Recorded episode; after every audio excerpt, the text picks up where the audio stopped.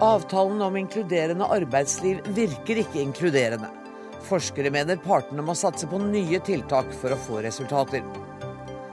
Helse- og omsorgsdepartementet fyller 100 år i dag.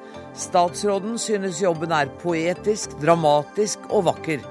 Trine Skei Grande bruker helt andre ord når hun møter Jonas Gahr Støre. Motstand mot et kjøpesenter har skapt protester over hele den politiske skalaen i Tyrkia. Voldsomme sammenstøt mellom politi og demonstranter.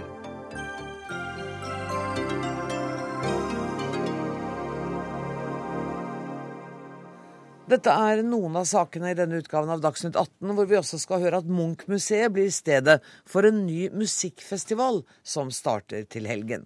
Men først. Avtalen om et inkluderende arbeidsliv, IA-avtalen, har ikke bidratt til et mer inkluderende arbeidsliv.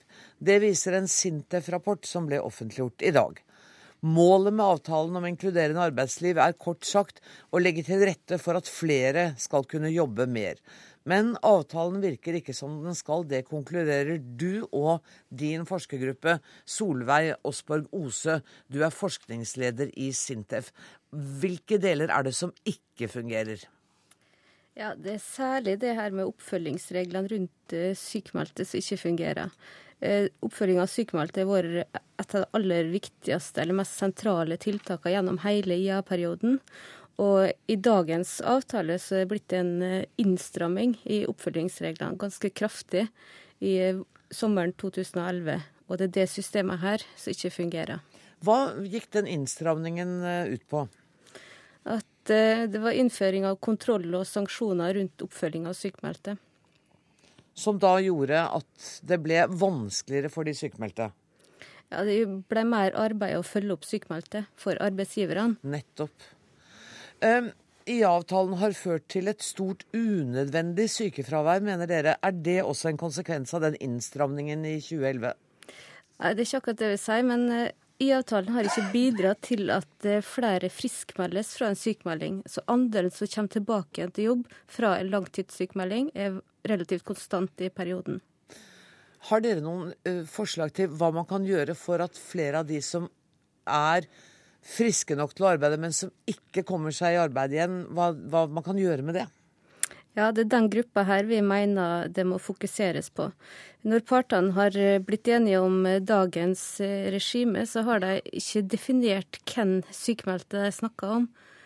Eh, men det vi sier er at eh, hvis vi tar utgangspunkt i de som ikke kommer tilbake igjen til jobb, sjøl om helsa tilsier at de burde kunne jobbe, så kan de få en eh, mye større effekt. Men da må virkemidler innrettes mot eh, deg. Og i dag er det sånn at det skal gjøres det samme for alle sykmeldte, og det er veldig lite treffsikkert. Det fungerer ikke.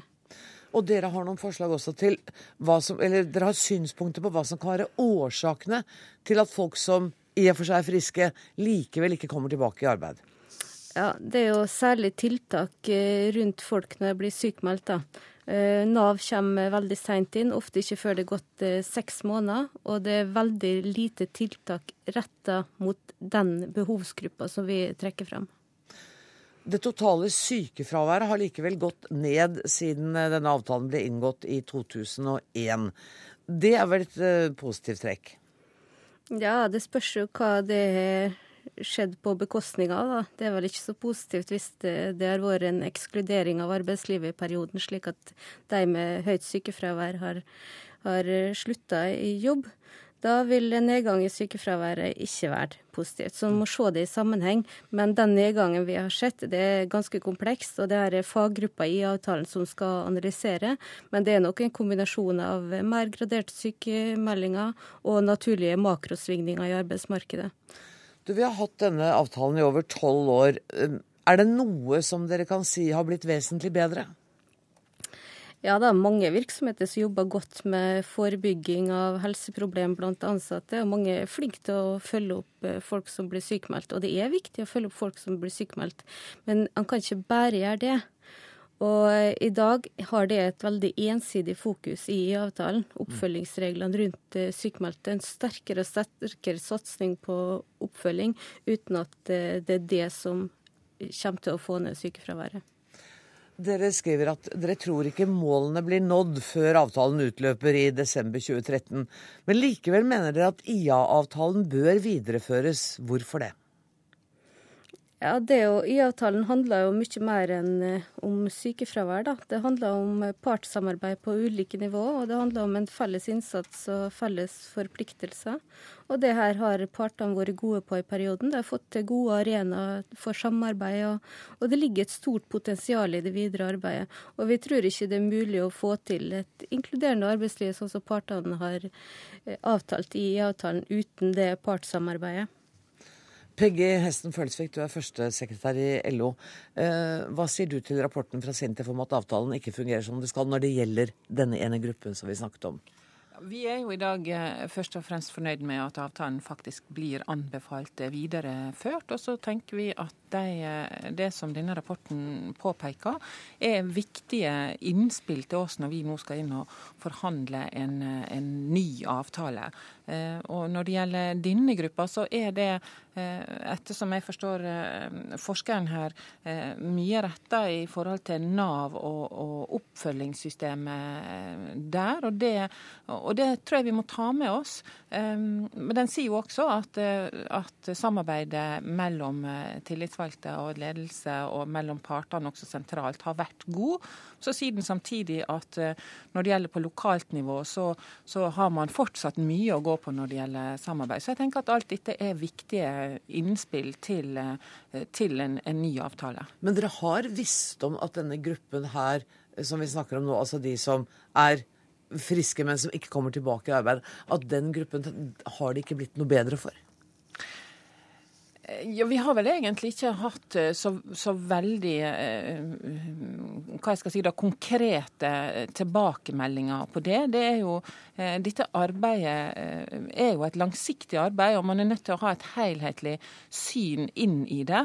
Så, så jeg tenker at det å liksom plukke ut noen grupper her, det får være, det får være forskerne sin oppgave å, å, legge på bordet til oss. Jeg syns det er viktig også at de, at de gjør. Så får det være vår oppgave å ta med oss det inn i arbeidet videre. For det er jo viktig at hvis denne avtalen skal fungere etter intensjonen, så må jo disse signalene tas på alvor. Ja, absolutt. Og nå snakker vi om ett delmål, som er, er å få ned sykefraværet. Og det andre delmålet, som er inkludering av funksjonshemma, er jo minst like viktig. Og her har vi enda mer å ta tak i, både på arbeidsgiver- og på arbeidstakersida. Så, så vi er ikke på noen måte i mål. Og dere er heller ikke i mål når det gjelder å få seniorene til å stå noe lenger. Det begynner å gå riktig vei, men dere har ikke nådd det målet som var med å få folk over 50 til å stå seks måneder lenger i arbeid. Ja, det er bare så vidt at vi ikke er der. Man regner med å nå det målet faktisk innen utgangen av 2013, så det er faktisk et av de eh, som vi er nærmest. Svein Oppegård, direktør for området for arbeidslivspolitikk i NHO. Hva sier du til eh, Sintef-rapporten? Altså aller først så må Vi jo si at uh, vi er enig i den delen av rapporten som peker på at behovet for forenklinger er veldig klart og tydelig til stede. Vi har tatt opp det en rekke ganger og mener at den rapporten underbygger behovet for forenkling. Vi skal være veldig opptatt av at IA-avtalen faktisk virker. Vi har hatt en betydelig nedgang i sykefraværet. Og jeg skal få lov å skryte litt av, av, næringslivet, som jo har hatt den største forbedringen. Og der har vi altså nådd målet med en 20% reduksjon sammenlignet med 20, 2001. Så at IA-avtalen virker, ja, definitivt. Men det totale sykefraværet, der er man ikke i mål på, to, på 20% Nei, og det skyldes jo at det er ulike fraværsfrekvens i ulike næringer, og det henger ganske mye igjen i eh, kommunal sektor. Men, men når du sier at det, dette med at det er tungvint og mye papirarbeid og byråkrati, det har dere tatt opp mange ganger. Hvem er det som har skrubba da? Nei, det ligger jo i avtalen i dag, så vi er nødt til å gå i dialog ja, med myndighetene. Hvis dere har tatt opp så mange ganger? Jo, men det har vi tatt opp de senere årene. Og vi vet vi skal fornye avtalen nå i 2013, eller i utløpet av 2013. Og da er vi enige om at det er et spørsmål vi skal se på. Jeg er ganske sikker på at både Sintef-rapporten og det som har vært tatt opp av alle parter, kommer til å bli en realitet ved de nye forhandlingene. Arbeidsminister Annike Huitfeldt, du er med oss på telefon. Hva sier du til eh, kravet om mindre byråkrati, større innsats for dem som er friske, men ikke kommer tilbake i arbeid, og større innsats for de funksjonshemmede? Ja, nå har jeg vært i Nordland i dag og diskutert eh, de erfaringene som vi har med avtalen om et inkluderende arbeidsliv, og det er noe av det samme som kommer fram. Vi er så å si mål når det gjelder å få eldre arbeidstakere til å stå lenger i jobb. Vi har klart å redusere sykefraværet, men ikke nok. Men vi har ikke klart å inkludere flere funksjonshemmede i arbeidslivet.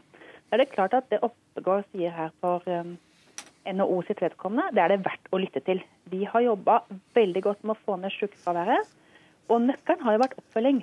Og Da ble det innført en del kontrolltiltak for å sikre at bedriftene følger opp. Men spørsmålet er, som han sier, og som mange andre sier, at kontrolltiltakene har gått for langt, og at vi isteden må satse mer på forebygging. Så dette kommer vi til å forhandle om i en ny avtale. Så dere kommer til å slakke opp litt på de kontrolltiltakene dere innførte i 2011, og så sette i verk nye tiltak? Ja, nå skal vi evaluere avtalen sammen med de fire store arbeidstakerorganisasjonene, de fire store arbeidsgiverorganisasjonene fram til sommeren. Og så skal vi starte nye forhandlinger etter sommeren. Og Vi kan ikke forskuttere hva vi kommer fram til da, men da må vi se hvor er vi nå, hva er det som skal hjelpe videre? Hvordan kan vi jobbe bedre med psykiske lidelser? Hvordan kan vi gjøre, jobbe mer for å få funksjonshemmede inn i arbeidslivet? Og Da må vi se om de virkemidlene som vi har satt i verk, er gode nok. Jeg mente ikke at du skulle forskuttere forhandlingene, men jeg tenkte du kunne forskuttere litt med hva dine forslag kom til å være. Ja, men det skal vi jo forhandle om. Men jeg lytter jo til det som kommer av innspill. Jeg er jo veldig fornøyd med denne avtalen, for det er viktig med et, et trepartssamarbeid. Og hvis du er sjuk i dag, så får du en helt annen oppfølging enn det du får for en del år tilbake. Og mange arbeidsgivere forteller jo at de er mer fornøyd med den oppfølginga de får fra Nav, bl.a. knyttet til personer med psykiske lidelser, som gjør at de eh, klarer i større grad å hjelpe enn tidligere. Så det er mye som fungerer bra, men vi er på ingen måte i mål. Og når det gjelder uh, sykefraværet, så er dere heller ikke helt i mål, selv om altså uh, NHO sier at for deres del så er de 20% nådd. Kunne man tenke seg å se til Sverige og f.eks. innføre karensdager, som de nå har gjort?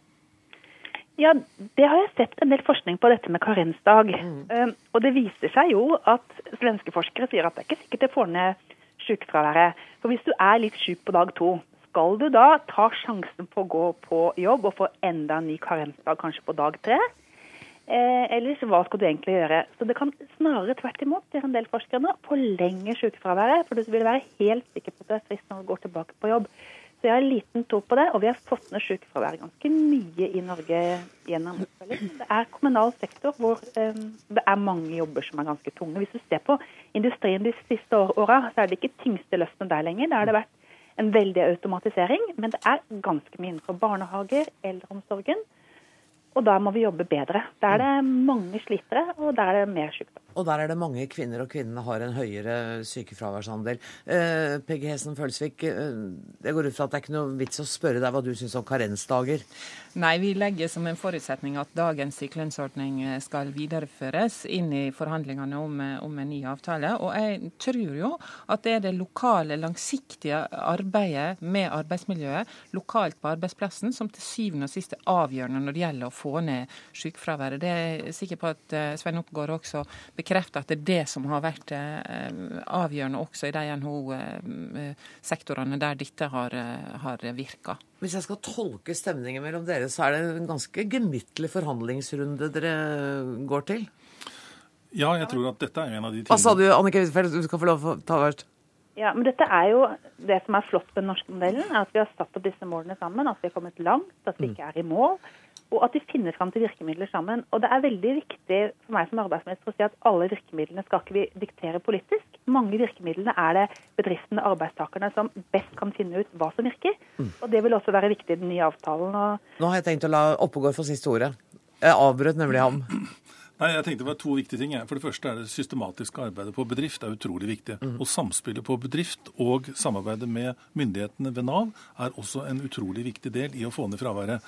Og til spørsmålet om uh, hva med karensdager, så har NHO alltid vært åpen mot OK, skal vi se på hele sykelønnsordningen?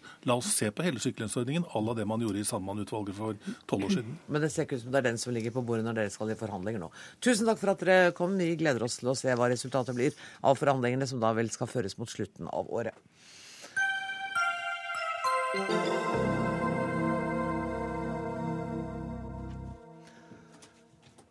Gratulerer med dagen, skal jeg si nå. Det er til eh, Jonas Gahr Støre. Du representerer en jubilant for Helse- og omsorgsdepartementet.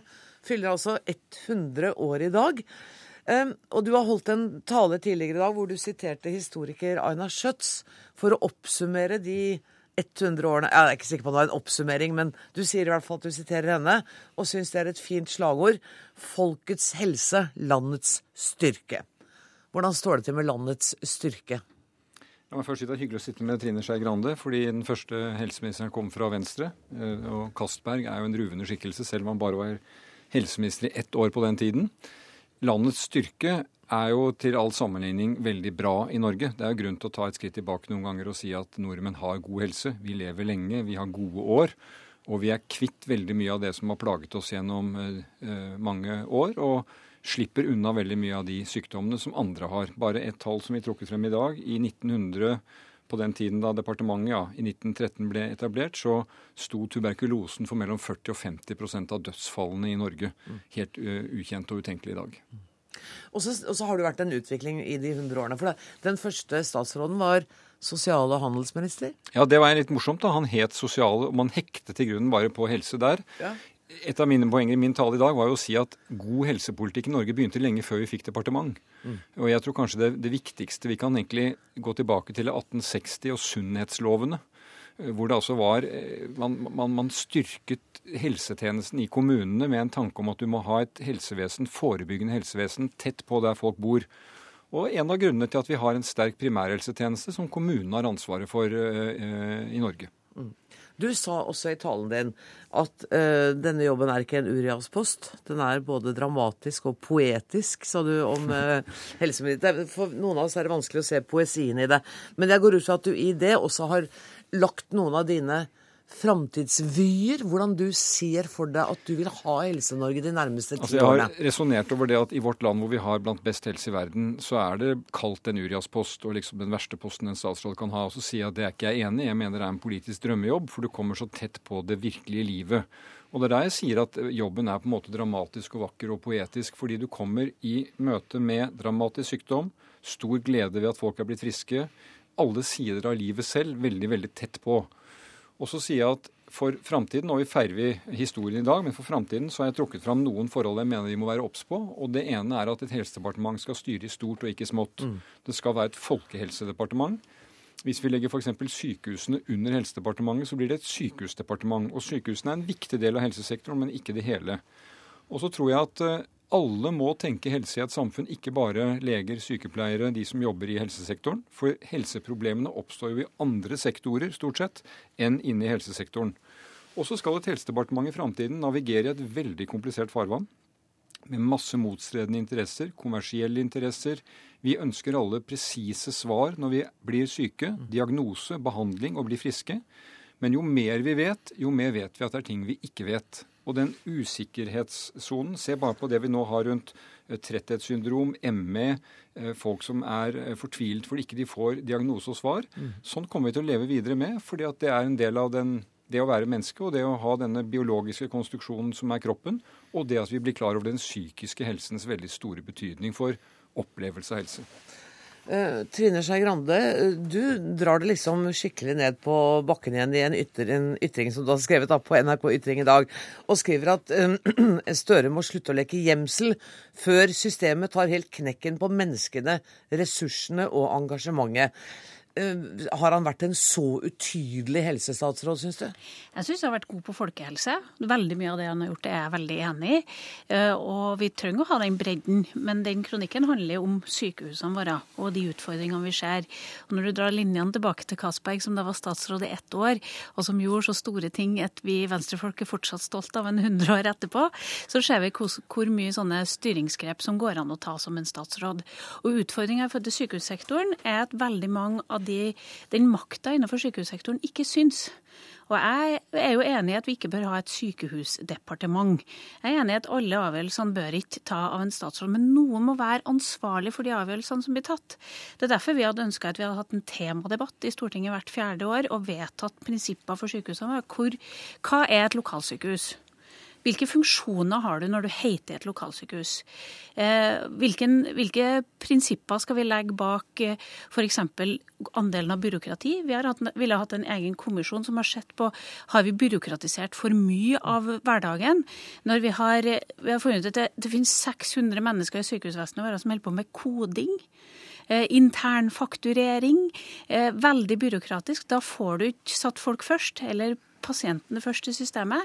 Og da tror jeg at det er viktig at folk Det er viktig at folk vet hvem de skal demonstrere mot når de er uenige med noe. Og nå sier en statsråd at de vet ikke hva de snakker om, men de må i hvert fall vite hvem de skal snakke til. Eh, makta sitter her, den, Trine Skei Grande. Jeg er ansvarlig. Eh, jeg har ansvar for sykehusene. Jeg står ansvarlig overfor Stortinget. Men jeg styrer ikke sykehusene i, i, i hvert enkelt klinikkbeslutning. Eh, alle styremøter som tar beslutning for norske sykehus, er åpne. De er tilgjengelige, man kan følge med på det. Det er en kompleks sektor. Eh, hvis vi ser på statistikk, så har ikke vi mer byråkrati eh, enn andre. Jeg opplever ikke at jeg leker gjemsel, jeg er iallfall ute i det fri hele tiden. Men hvis det er noe, en lek du driver, som jeg bare vil siden vi nå nærmer oss valg, så er det blindebukk. Fordi at du er altså for i denne artikkelen at vi skal bruke mindre fokus på penger, mindre innsatsstyrt finansiering. Det vil Fremskrittspartiet og Høyre ha mer av. Du er mot at vi skal overføre penger fra sykehusenes rammer, sykehusenes rammer for å starte private klinikker. Det er Frp og Høyre for. Og du er meget klokt mot å legge ned de regionale helseforetakene før vi har et bedre alternativ. Så det er jo de store spørsmålene i hvordan sykehusene skal styres. Alle de spørsmålene du tar opp nå, at vi kan ha en temadebatt i Stortinget hvert fjerde år, det er jeg helt for. Det bør vi ha. Uh, om pengene vi skal bevilge, hvordan sykehusstrukturen skal se ut. Men så er jo dette en sektor hvor det skjer tilpasninger nærmest måned for måned for å kunne innfase ny teknologi, nye behandlingsmåter, nye medisiner, og da deling av funksjoner mellom sykehusene. Ja, det er helt klart at du får noe annet hvis du stemmer Venstre enn hvis du stemmer Høyre i helsepolitikken. Det er et av de områdene vi er uenig med Høyre i, og derfor så mener jeg jo at folk bør stemme på Venstre og, et, og ha en blå-grønn regjering og ikke en mørkeblå regjering. Men bare for å nevne et, et eksempel vi nevner i kronikken, sykehuset i Kongsberg, mm. som da, da de som styrer Helse Øst, sier at vi har fått beskjed av departementet at dette skal legges ned. Eh, Arbeiderpartiet i fylket sier at vi er veldig imot at dette skal legges ned. Og da er spørsmålet hvem er det som har bestemt det? Er det Helse Øst som har bestemt det? Er det departementet som har bestemt det? Hvem, hvis noen er uenig i det vedtaket, hvem skal de da gå i demonstrasjonstog mot? Ja, altså De kan gjerne gå i demonstrasjonstog mot meg, for jeg har bedt uh, den uh, Vestre Viken, som er da sykehusene er sånn, om å se på strukturen framover og, i, i, denne store regionen. Og da er et av alternativene som diskuteres, det er hvorvidt man da istedenfor å tenke Drammen og Kongsberg, skal tenke et nytt sykehus. Skal ikke legge ned Kongsberg, og så er det ferdig med det, men det er å se om man da for å møte de behovene befolkningen vil ha, eh, kan se på et alternativ. Det samme skjer det mellom Kristiansund og Molde. Der er man blitt enige om at de sykehusene som de nå er, ikke skal fortsette. Det skal komme et nytt mellom de to byene. Sånn kommer det til å komme andre steder i landet også, og også i denne regionen. Og så er det avveininger her i forhold til sykehusene i hovedstadsregionen, som vi vet er komplekst. Men hvem skal du demonstrere mot? Vel, som sagt, jeg er den politisk ansvarlig. Det å beslutte å bygge et nytt sykehus, det kommer til å koste mer enn 500 millioner. Derfor er det Stortinget som skal ta den beslutningen. Pengene skal bevilges der. Eh, og så er alle møtene som er i Vestre Viken og i Helse Sør-Øst om dette, de er åpne, tilgjengelige. Sakspapirene er tilgjengelige. Og de som vil engasjere seg, kan uh, følge med på det. Nå hadde vel ikke det... du tenkt å gå i tog i dag? hadde du det? Nei, jeg hadde ikke tenkt å gå i dag, tog i dag, men jeg syns det er viktig I dag feirer vi. Et, ja, ja, i et, det er viktig i et demokrati at folk vet hvem det er som er ansvarlig. Og nå vet og, du det. Og, nei, ja, og poenget er at denne regjeringa sier at de ikke legger ned lokalsykehus. Eh, og, og, Senterpartiets leder påstår at hun jobber natt og dag i møter, ligger til telefonmøter for å unngå at det skal skje. Men likevel så klarer vi ikke å bli enige om hva er egentlig et lokalsykehus. Det... Er det en sykestue et, et eller annet sted, eller er det en akuttfunksjon å føde, som er noen av disse kjernefunksjonene som handler om folks trygghet? Og Det er den frustrasjonen du finner hos folk, og så finner du en byråkratifrustrasjon hos leger. Hele den debatten om hva et lokalsykehus egentlig er, det må vi ta en annen gang. Jeg har bare lyst til å gratulere eh, helseministeren med dagen og spørre altså Du har jo sagt at enkelte mm, ting spiser man eller drikker man fordi det er godt for den psykiske helse. Er det slik at det er noen boblende dråper som står og venter på helsestatsråden? I dag skryter jeg at det var noen som spurte meg det at eh, helsestatsråden må leve sunt. Han spiser vel ikke pølse? Og da sier jeg at jo, til de grader, for den psykiske helsen er viktig. Ja. Og Derfor så tar jeg også alltid eh, en av dine twist, Anne Grosvold, som står utenfor på rommet her. For det er faktisk lov å glede seg. Og vi kommer til å hygge oss i kveld. Da skal vi feire, og det er vært 52 statsråder i det departementet. Tolv av dem er med meg i kveld på fest. Og Da kan vi eh, oppheve politikken litt, og så kan vi si at det har vært en politisk vilje i styringen av Helse-Norge. Og så kan vi faktisk hylle alle de som har gjort det mulig. Dyktige fagfolk, helsefolk, men også fra mange andre profesjoner. Og jeg er helt sikker på at Castberg svever over bordet. Det gjør han nok. Tusen takk for at dere kom, og du kan få ta deg en ekstra twist på veien ut. Tusen takk skal dere ha. Hør Dagsnytt 18 når du vil, på nettradio eller som podkast. nrk.no – dagsnytt 18.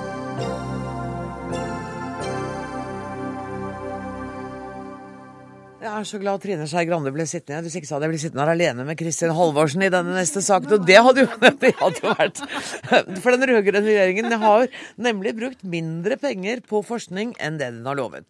Til tross for at SV, som har hatt ansvaret for Kunnskapsdepartementet, eh, slår fast i sitt arbeidsprogram at de vil bruke 1% av brutto nasjonalprodukt på forskning, har andelen vært 20% lavere. Kunnskapsminister Kristin Halvorsen, i dag la du fram resultatene av regjeringens forskningsbarometer, og jeg leste det.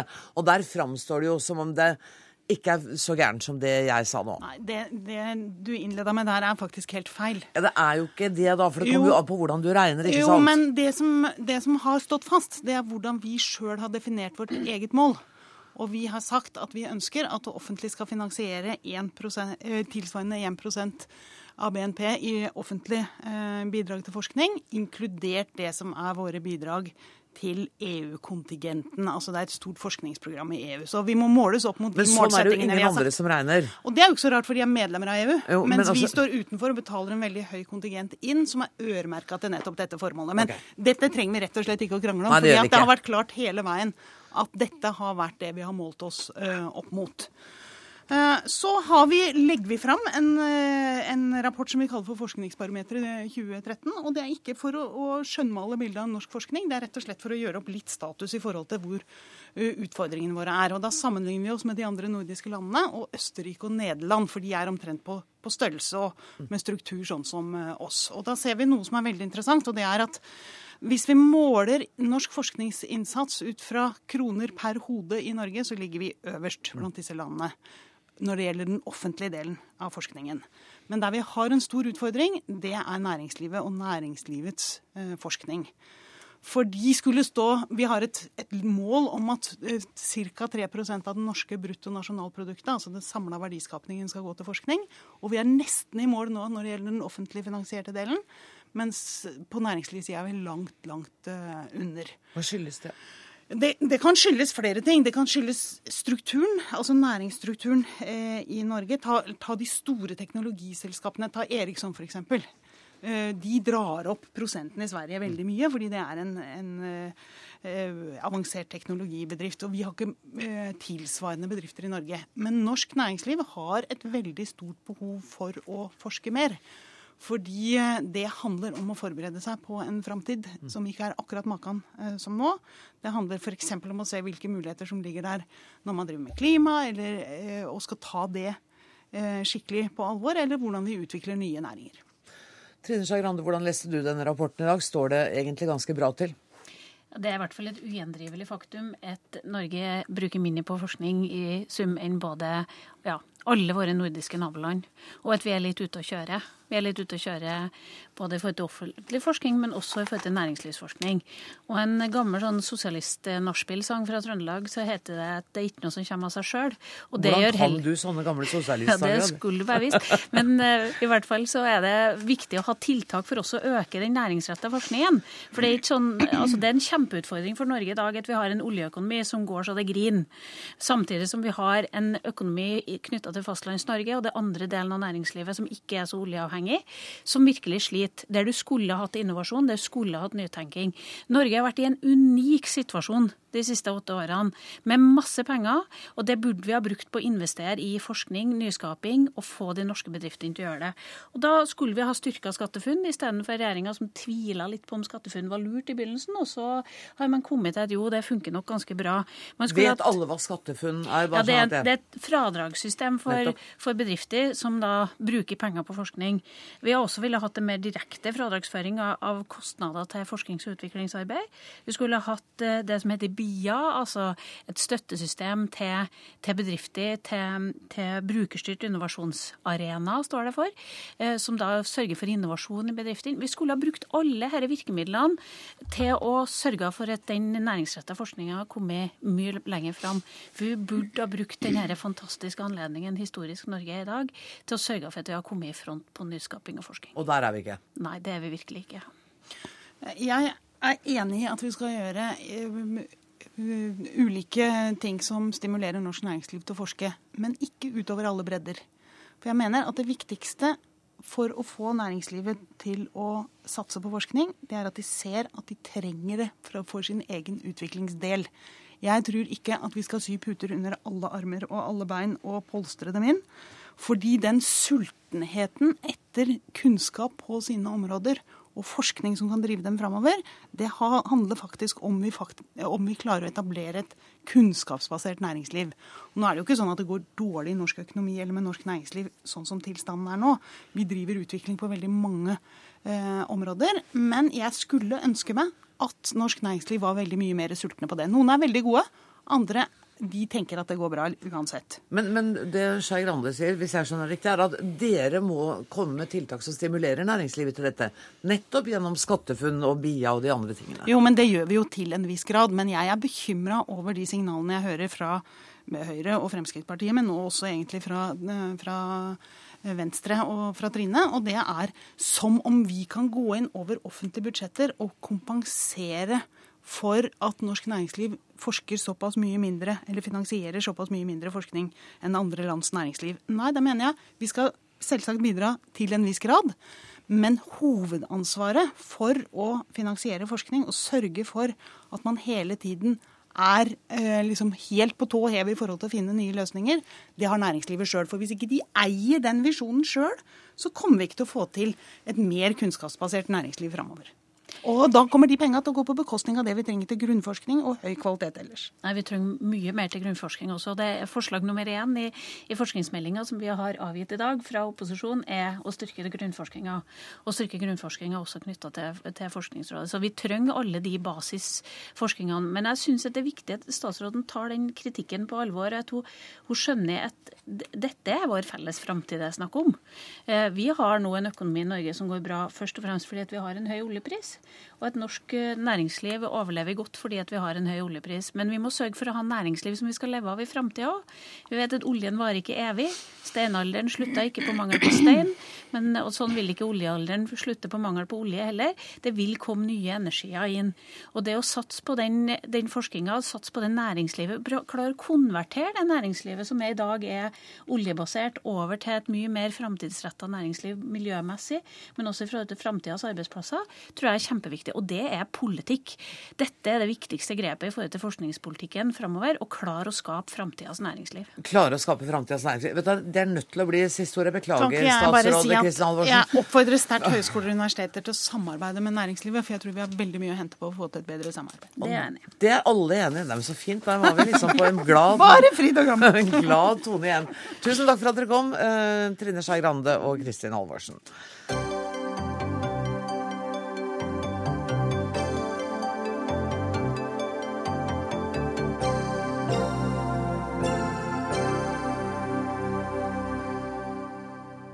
For en halvtimes tid siden ble det kjent at Norge skal sende soldater og rådgivere til Mali. Forsvarsminister Anne Grete Strøm Eriksen, du er med meg på telefon nå. Hvor mange er det som skal reise?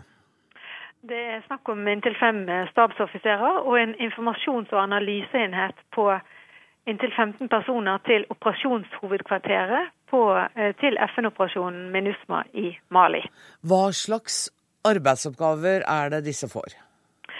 Ja, Stabsoffiserer de er jo med på å lede operasjonen. Eh, denne informasjons- og analyseenheten de skal bidra til å skape god situasjonsforståelse eh, og være i stand til å gjøre gode sikkerhetsvurderinger, som er viktig for både sivilbefolkningen og også for eh, soldatene som er på bakken. Skal de norske soldatene bidra i kamp? Nei, de norske soldatene blir på operasjonshovedkvarteret. Eh, det er slik at eh, For at en FN-operasjon skal lykkes, så må også ulike typer kompetanse eh, være til stede.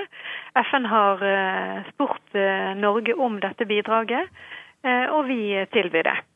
Er det noen planer om at den norske kontingenten kan utvides? Nei, det er det ikke. Det er denne Vi har sagt at dette skal vi bidra med i tolv måneder, og det er det vi tilbyr FN nå. I februar så sa Norge nei til å sende soldater til Mali som en del av EU-samarbeidet om mm. opplæring av militære. Har, hvilken situasjon er det som er endret siden da?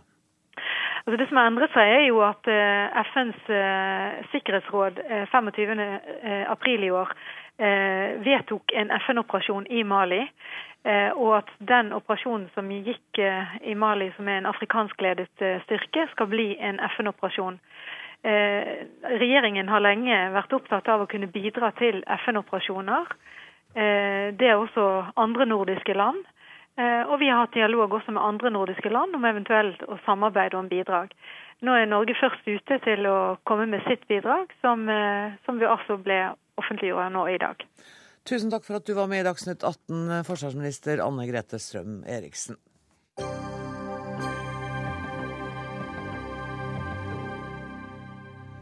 Tyrkisk politi fortsetter å bruke tåregass og vannkanoner mot demonstranter på den fjerde dagen med protester i flere tyrkiske byer. 1700 mennesker er arrestert, flere er skadd etter at demonstranter samlet seg fredag ettermiddag for å protestere mot at Taksim-plassen i Istanbul skal nedlegges til fordel for bygging av et kjøpesenter.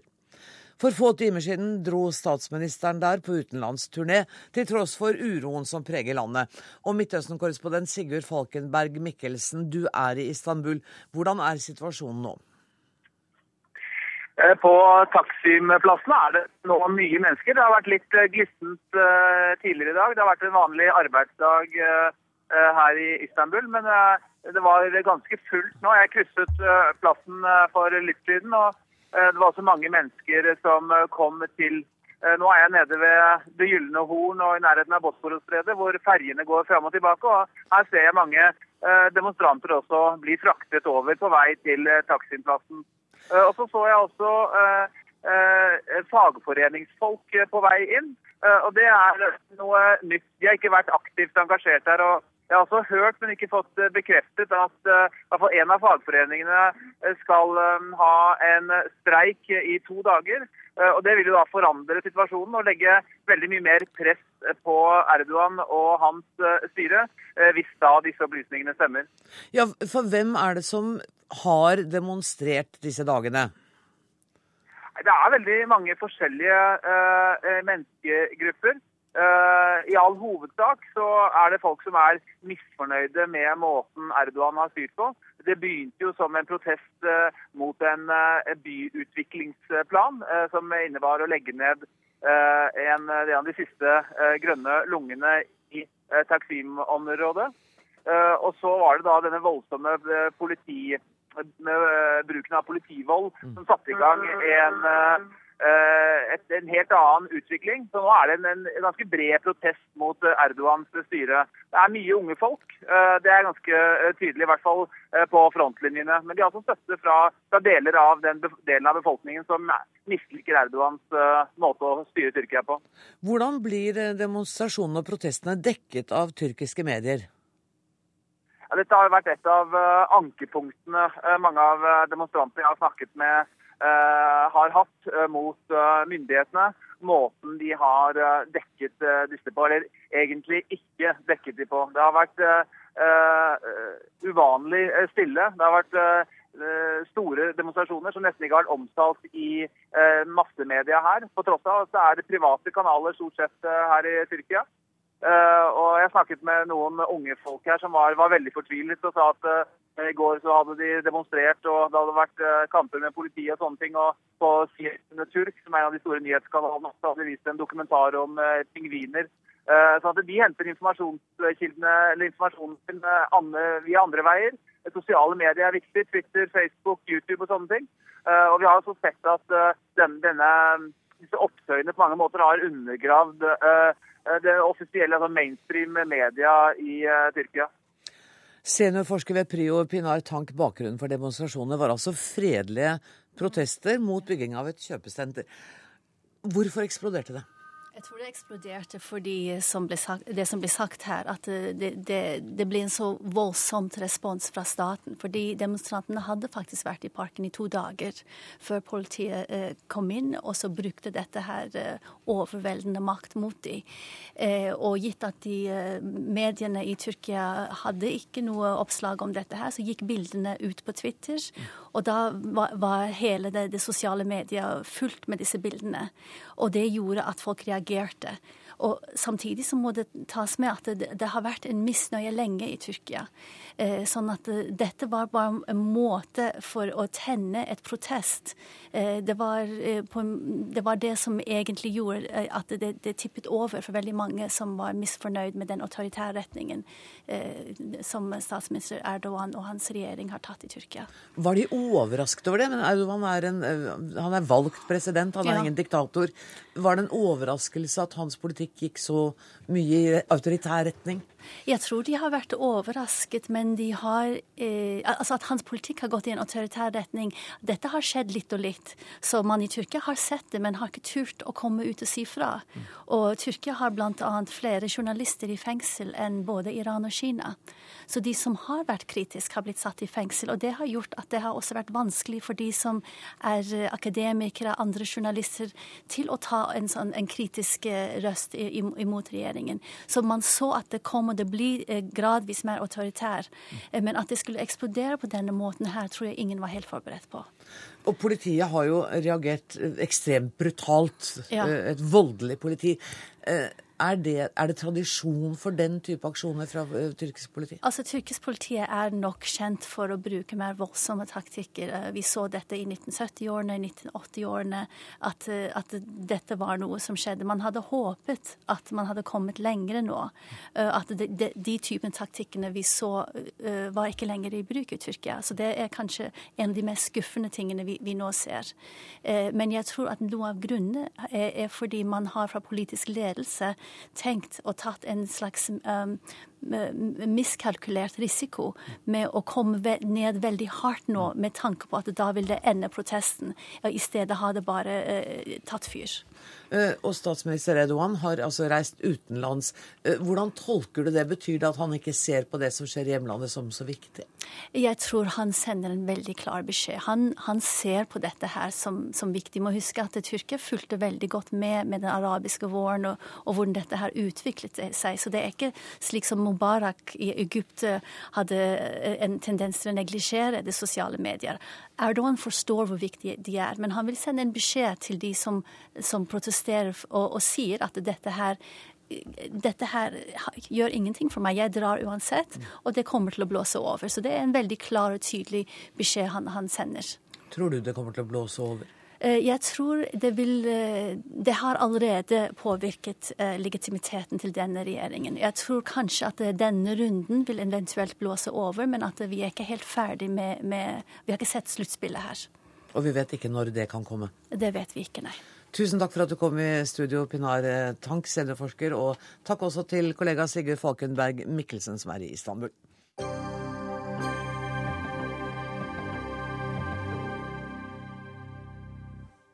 Den siste uka har det rast en debatt eh, rundt Human-Etisk Forbund. Forbundet er blitt kalt både bakstreversk og religionsfiendtlig.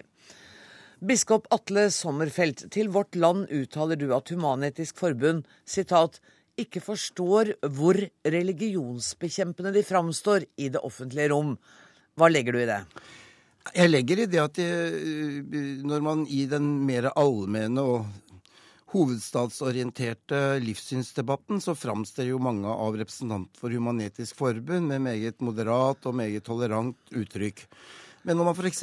tenker på diskusjonen i Heggedal i Asker om hvorvidt presten som hadde da hatt uh, tale uh, ved Heggedal hovedgård i uh, 20 år, skulle få lov til å fortsette med det på 17. mai, og ble utsatt da for en meget kraftig forsøk fra lokale heffere om å få han vekk. Så er det et eksempel ikke sant, på hvordan de da fortsatt eh, fastholder at grunnleggende sett hører ikke religionen med i det offentlige rom og bør være en privatsak. Og så har man gått inn på masse kompromisser og framstår i dag eh, som forsvarer av det livssynsåpne samfunn, men det må altså ikke skje på arenaer som offentlig som er offentlige i ordets egentlige forstand, og hvor, det, en, og hvor det offentlige er en eh, sterk aktør. Da går jeg til deg, Dindrik Sønderli fra Human-Etisk Forbund. Denne saken Hegeli kjenner ikke jeg, men opp, opptrer dere med en arroganse hvor dere rett og slett forsøker å sensurere helt legitime eh, teologiske holdninger? Det syns jeg er en veldig merkelig påstand. Human-Etisk Forbund står for religionsfrihet. Vi har formuleringer i vårt manifest som krever at vi skal ha respekt for innholdet i andre menneskers livssyn, livssynsvalg. Så Jeg kjenner ikke den saken, men det vi er en kritiker av, er jo en sammenblanding av stat og religion. Og i den grad det f.eks. er snakk om gudstjenester i skoletiden og sånn, så markerer jo vi oss som kritiske til det. Vi er for at uh, elever skal lære om religion, uh, men vi vil ikke at det skal ligge en slags føring fra skolen om at man skal delta i religionsutøvelse i, i, skoletiden. Men den kan man jo be seg fritatt fra? Det kan man, men da skaper man samtidig et skille mellom de elevene som føler at dette er greit, eh, og de elevene som ikke føler at det er greit. Mens vi syns det hadde vært fint hvis skolen var mer inkluderende. Og ikke hadde noen form for religionsutøvelse i skolen? Ja, f.eks. sånn som man har det i USA. Men da, men da har ikke Sommerfelt litt rett da, i at dere er religionsfiendtlige? Nei, dette handler jo ikke om religionsfiendtlighet. Dette handler om en prinsipiell holdning. Vi vil jo at alle former for religiøsitet og livssyn skal likebehandles. Og vi syns det er veldig uheldig at eh, det offentlige, eller staten, da gifter seg med én bestemt eh, variant av én bestemt religion. Det syns jeg er veldig uheldig. Men det er den religionen som over 90 av det norske folk eh, erkjenner seg til, da?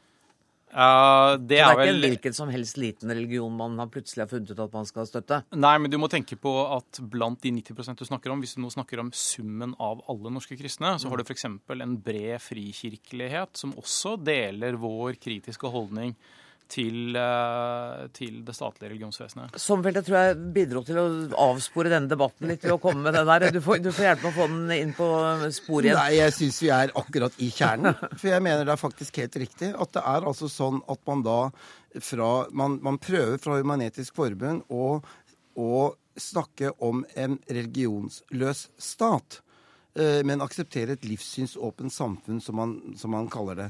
Men det er jo åpenbart at i et demokrati så dersom hva det store flertallet av befolkningen faktisk på store eller mindre måter gir uttrykk for at de hører til. Hvis det da betyr at de altså ikke i skolens dannelsesprosess skal kunne være mulig for de 28 elevene som tilhører en kristen tradisjon, å feire en julegudstjeneste som en del av tradisjonsgrunnlaget, men under forutsetning av at de to som ikke gjør det, skal få anledning til å melde seg av og ha et alternativ. Det handler jo om likebehandling. Det som Human-Etisk Forbund meget dyktig eh, og det skal dere ha et kompliment for. I retorikken dere eh, sitter likhetstegn mellom likebehandling og at enhver skal ha like stor plass. Og det er jo det som gjør at Og det kan dere bare oppnå ved Og effekten av det blir at man altså skal ha religion ut. Og særlig kristendommen, og særlig norske kirke.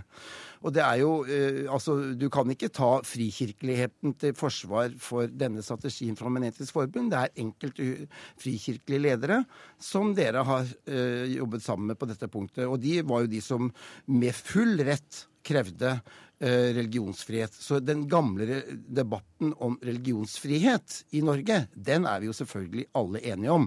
Og at, eh, og at, det, eh, og at staten skal legge til rette for alle livssyn i det norske samfunn, det er vi jo selvfølgelig også enige om. Sødlen. Det er nå engang sånn i et demokrati at flertallet kan ikke bestemme hva det vil. Det er I et liberalt demokrati som vårt så setter ting som menneskerettighetene grenser for hva flertallet kan bestemme. Og en av disse menneskerettighetene er religionsfriheten. Og det hører med til historien at norsk eh, religionsundervisning har fått streng påpakning nettopp fra menneskerettighetsdomstolen i Strasbourg. Jo, men altså, italienerne, fikk jo lov til, italienerne fikk jo ikke medhold når man prøvde å ta krusifiksen ut av skolerommene, da. Nei, men det, det, det, stemmer for så vidt. Dere kan ikke bruke menneskerettighetssystemet på dette punktet. Det er eh, religionsfrihet i menneskerettssystemet handler først og fremst om beskyttelse og retten til å utøve. Og det er ingen som nekter en humanist å utøve sitt livssyn i Norge i dag. Som vel nå må Sørlin få lov å ja, gjennomføre argumentasjon. Ja, altså, altså, jeg, blir, jeg, blir, litt matt av dette her med liksom, altså, religionsløs stat og altså, få religionen ut av det offentlige rommet og sånn. Det er ikke det vi vil. Det vi vil ha, er en stat som likebehandler forskjellige eh, tros- og livssyn. Og det vil jo selvfølgelig bety at eh, kristendommen vil forbli en levende religion i Norge, og at majoriteten av norske kristne slutter seg til Den norske kirke, er selvfølgelig helt i orden. Jeg ønsker Den norske kirke alt vel. Flesteparten av mine venner og familiemedlemmer er jo medlemmer der. Jeg vil at de skal ha en bra kirke å være i. Men jeg vil ikke at den skal legge, legges som en norm for hva det vil si å være norsk eller være en norsk elev.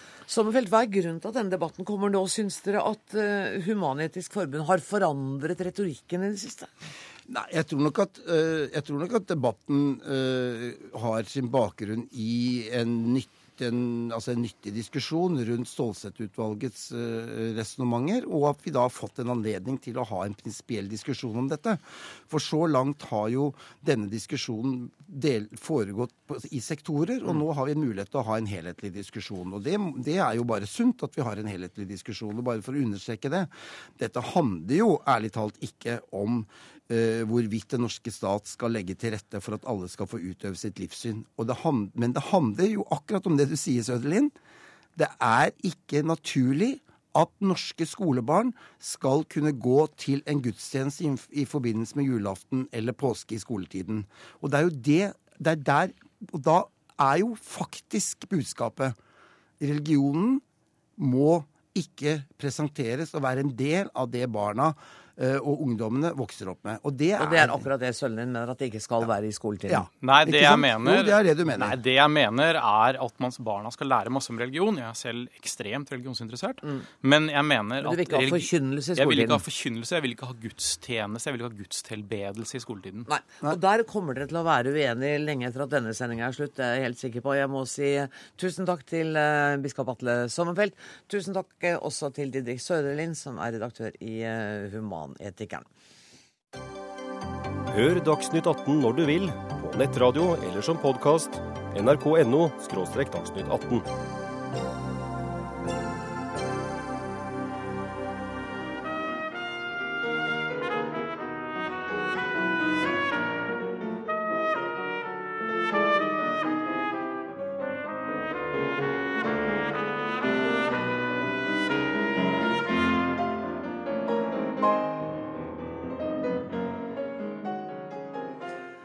Dette var et en ørliten smakebit fra åpningsstykket 'Sonate for trompet og klaver', 'Mitt kraft' av Paulinde Pauline de Mitt.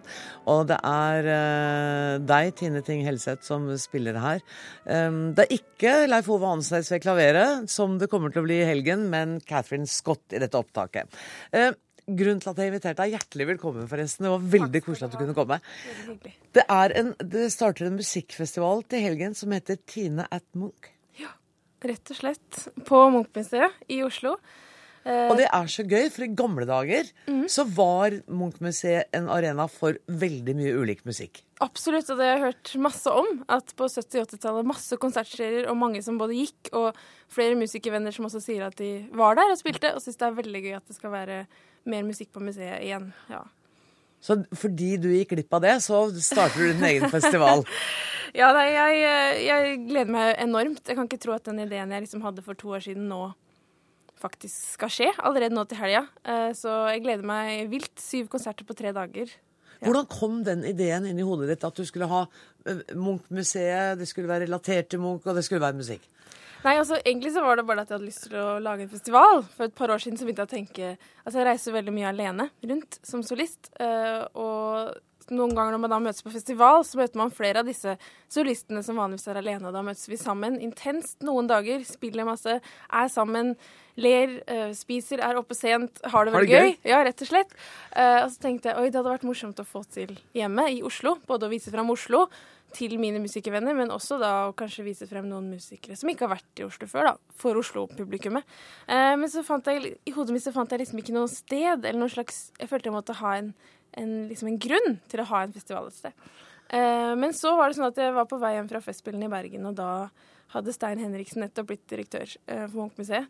Eh, og han kjente jeg litt fra tidligere på musikkbransjen. Og vi kom tilfeldigvis ved siden av hverandre på flyet. Eh, så satt vi og prata, og han sa litt musikk på museet igjen hadde vært fint. Eh, så tenkte jeg ikke noe mer over det før jeg et par måneder senere sto og øvde, og dette datt ned i hodet på meg da, at eh, dette er jo det perfekte sted til å ha en festival. Og også fordi det er mitt lokalmiljø. Altså jeg kommer fra Vålinga Etterstad, så det er liksom min Jeg var der mye som liten òg, så det var veldig mange brikker som plutselig bare falt på plass. Ja. Og så, det, så er det en haug med musikere, som om jeg nevnte Leif Ove Hansnes og Ingrid Bjørnovskvær og masse utenlandske musikere som jeg ikke kjenner. Var det vanskelig å be dem? Egentlig overhodet ikke. Jeg er utrolig heldig, rett og slett. Fordi jeg hadde en liste, og det var Leif Ove Hansnes, Truls Mørk, eh, Nicola Bendetti, som er en skotsk fiolinist, fantastisk superstjerne i England på min alder. Eh, Charlie Siem, det var Isa Gerike, sopran, det var eh, bandet mitt, og det var Altså, jeg hadde en liste, og alle på lista kunne, og alle sa ja. Jeg kunne nesten ikke tro det selv da jeg var ferdig. Eh, så jeg er utrolig privilegert og heldig, rett og slett, over at disse i sin utrolig busy hverdag kunne og ville komme og spille med meg på Munch-museet. Men, men, vet vi egentlig nå hvilken musikk Edvard Munch likte? Det er det som er så spennende, for dette visste jeg ingenting om da vi starta festivalen. Så har jeg begynt å lese. Ja. Eh, og særlig de siste dagene fordyper meg Altså virkelig leser og leser og leser for å liksom ha masse ekstra snacks til å både kunne prate og fortelle om på konsertene. Eh, og han hadde jo, på, hadde jo faktisk det. Var i kunstnerkretser både i Berlin og Paris med store altså En ting var diktere som Strindberg og den ting, men han var også da um, Han kjente Strauss, han var veldig god venn med Frederick Delius, stor britisk komponist. Så de sendte masse brev. Uh, han, uh, Christian Sinding var en god venn, som han også skriver om i egne notater.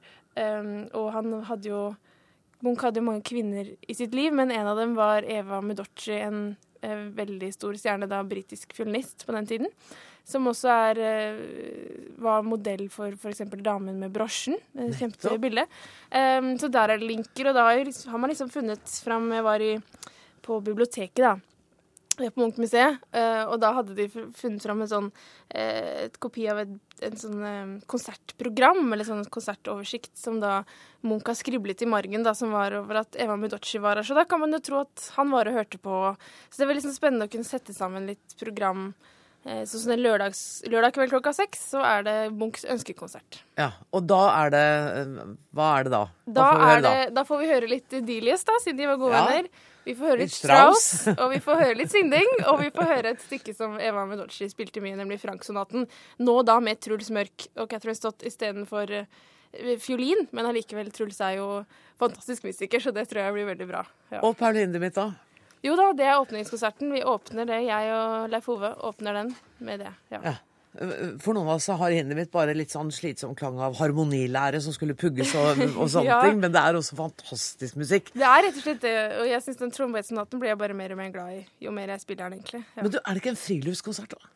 Nei, du, ikke i år. Og ikke i år. Alt er inne. Men neste år hadde du tenkt kanskje det? Neste år hadde jeg kanskje tenkt det. Vi ja. har jo tenkt at dette skal bli en tradisjon, uh, og da kunne samle ikke bare klassisk musikk, men sånn som vi har jo Ingrid Bjørnov nå, som kommer og gjør noe sprell, både med meg og andre. Og, og jeg har et band, vi gjør forskjellig type musikk. Så dette har vi lyst til at skal fortsette hver juni i mange, mange år, og forhåpentligvis i et nytt museum også. Ja, ikke sant? At dere flytter over til Lambda når det åpner, så er dere der, da. Vi har veldig lyst til det, ja.